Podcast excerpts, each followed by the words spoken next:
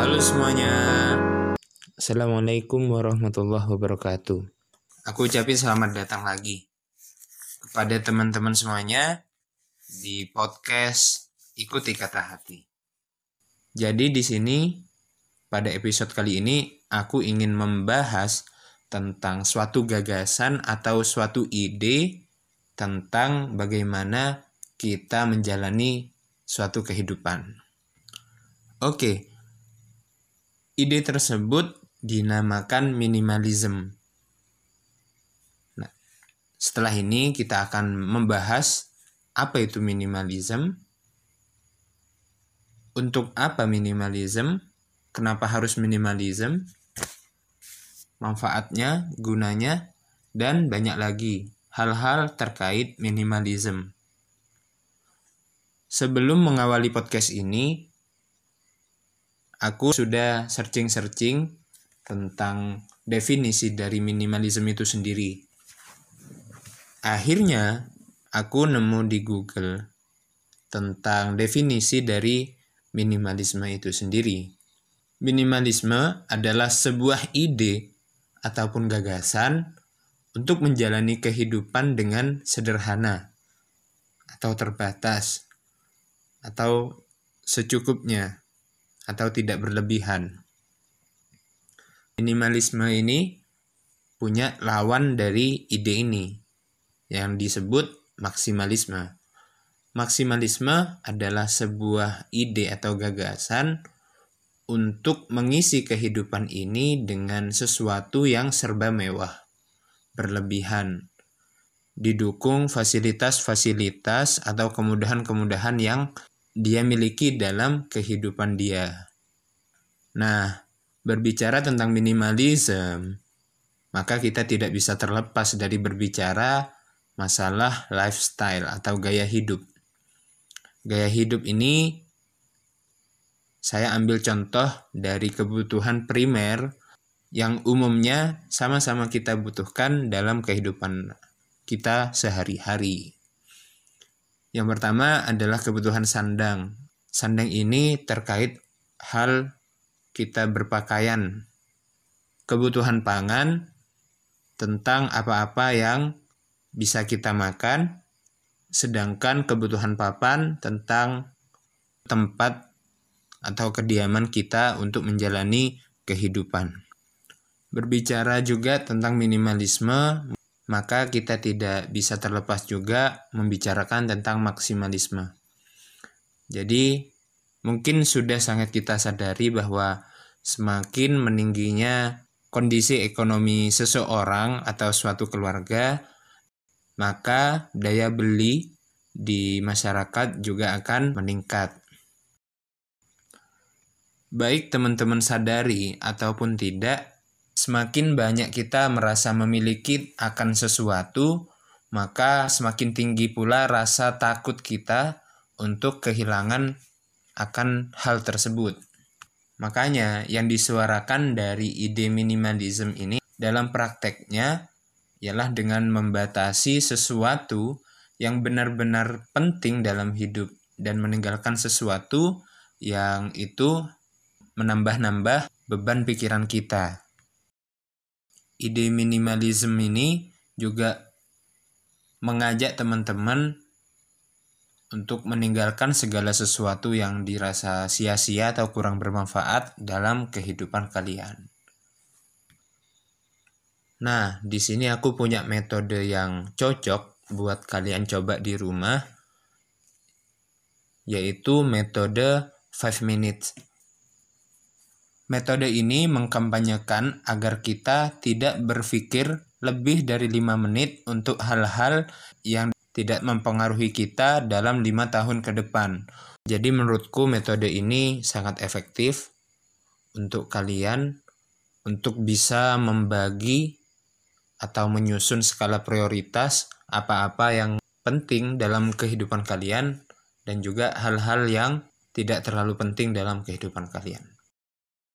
Lalu kita akan membahas tentang manfaat dari minimalisme ini. Minimalisme mengajari kita tentang bagaimana menjadi seseorang yang disiplin penuh perhitungan, hemat, dan tentunya pandai bersyukur.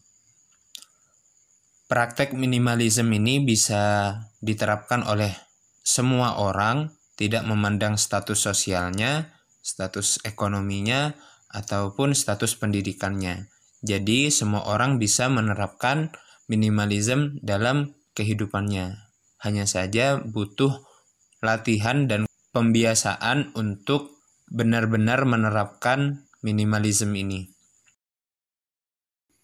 Memilih gaya hidup minimalism atau maksimalism totally ada di keputusan kalian. Jadi aku tidak punya kuasa untuk melarang ataupun menyuruh kalian untuk mengikuti minimalism ini.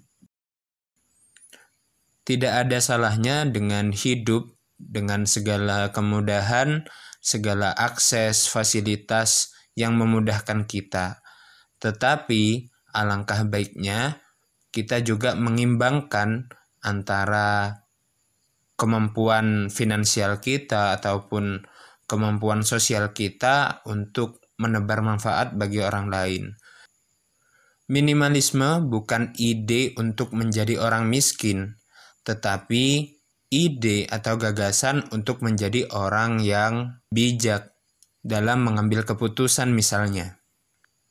Jadi orang dengan gagasan minimalisme sangat penuh perhitungan dan juga memperhatikan hal-hal yang mendasar tentang apa yang dia lakukan atau tentang apa yang ia miliki. Simpelnya, minimalism mengajak kita untuk hidup lebih teratur lagi, tidak sembarangan dalam membeli sesuatu, melakukan sesuatu, dan menanggapi sesuatu hingga sangat seriusnya. Padahal sesuatu itu tidak layak untuk kita pikirkan lebih dari lima menit. Kemudian kita masuk ke pembahasan terakhir pada podcast kali ini, yaitu bagaimana cara menerapkan minimalism dalam kehidupan kita sehari-hari.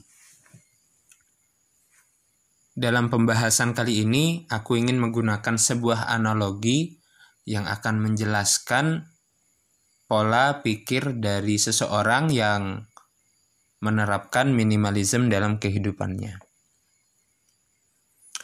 Jadi aku di sini menggunakan analogi seorang mahasiswa yang sedang kuliah di suatu pusat pembelajaran gitulah.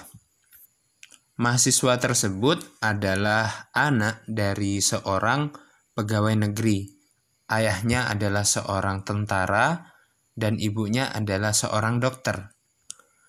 Setiap hari, mahasiswa ini berangkat ke kampusnya mengendarai sepeda motor bebek miliknya.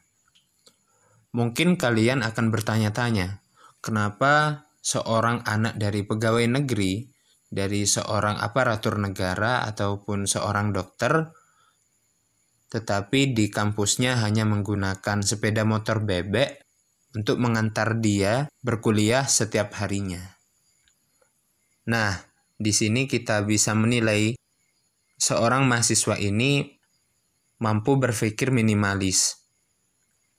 Yang dia pikirkan bukan lagi tentang bagaimana dia terlihat gagah, mewah di dalam penilaian teman-temannya, namun dia juga memperhatikan hal yang lebih strategis daripada itu.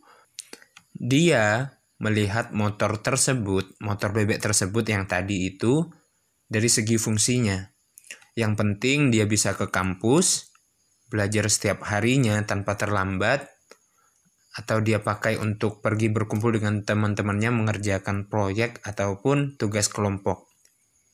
Dia tidak pernah mempermasalahkan pendapat orang lain tentang dirinya, juga tentang motornya. Meskipun jika kita lihat, sebenarnya keluarganya mampu membelikan dia sebuah mobil mewah untuk dia gunakan untuk kuliah. Namun apa yang dia pilih adalah cara dari seorang yang menerapkan minimalism.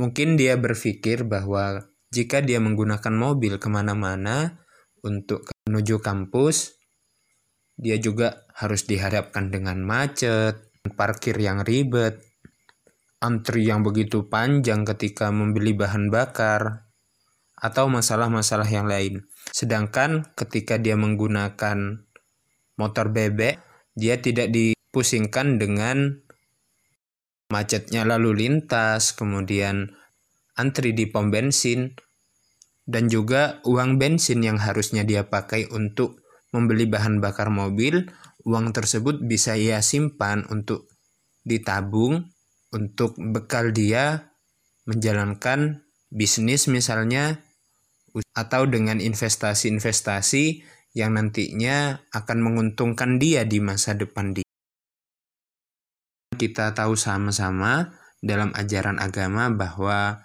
sebaik-baik manusia adalah yang paling banyak menebar manfaat bagi orang banyak. Dan juga praktek minimalism ini sebenarnya relate dengan ajaran agama yang mana menjelaskan bahwa sesuatu yang berlebihan itu sejatinya tidak baik. Maka kita dituntut untuk memiliki kemampuan untuk membagi-bagi tuh yang mana yang baik untuk diri kita dan juga yang kurang baik atau kurang bermanfaat bagi kehidupan kita. Jadi, kesimpulannya adalah kita sudah harus belajar bagaimana menjadi seseorang yang dewasa, memiliki pola pikir yang tidak hanya sebatas untuk kepentingan diri kita sendiri, tetapi juga memperhatikan kepentingan orang banyak. Sejatinya, baik minimalism atau maksimalism ini dikembalikan kepada kalian semua. Jadi, kalian semua adalah kunci dari kehidupan yang kalian ingin jalani. Tidak ada seorang pun yang bisa mendikte atau mengintervensi keputusan kalian sendiri. Keputusan ada di tangan kalian. Oke, mungkin itu aja dari aku. Semoga penjelasanku ini bisa diterima. Maafin juga kalau kebolak-balik. Hehehe. Jangan lupa ditonton episode-episode selanjutnya di podcast Ikuti Kata Hati. Kurang lebihnya mohon maaf. Dari aku, Syariful Rizal.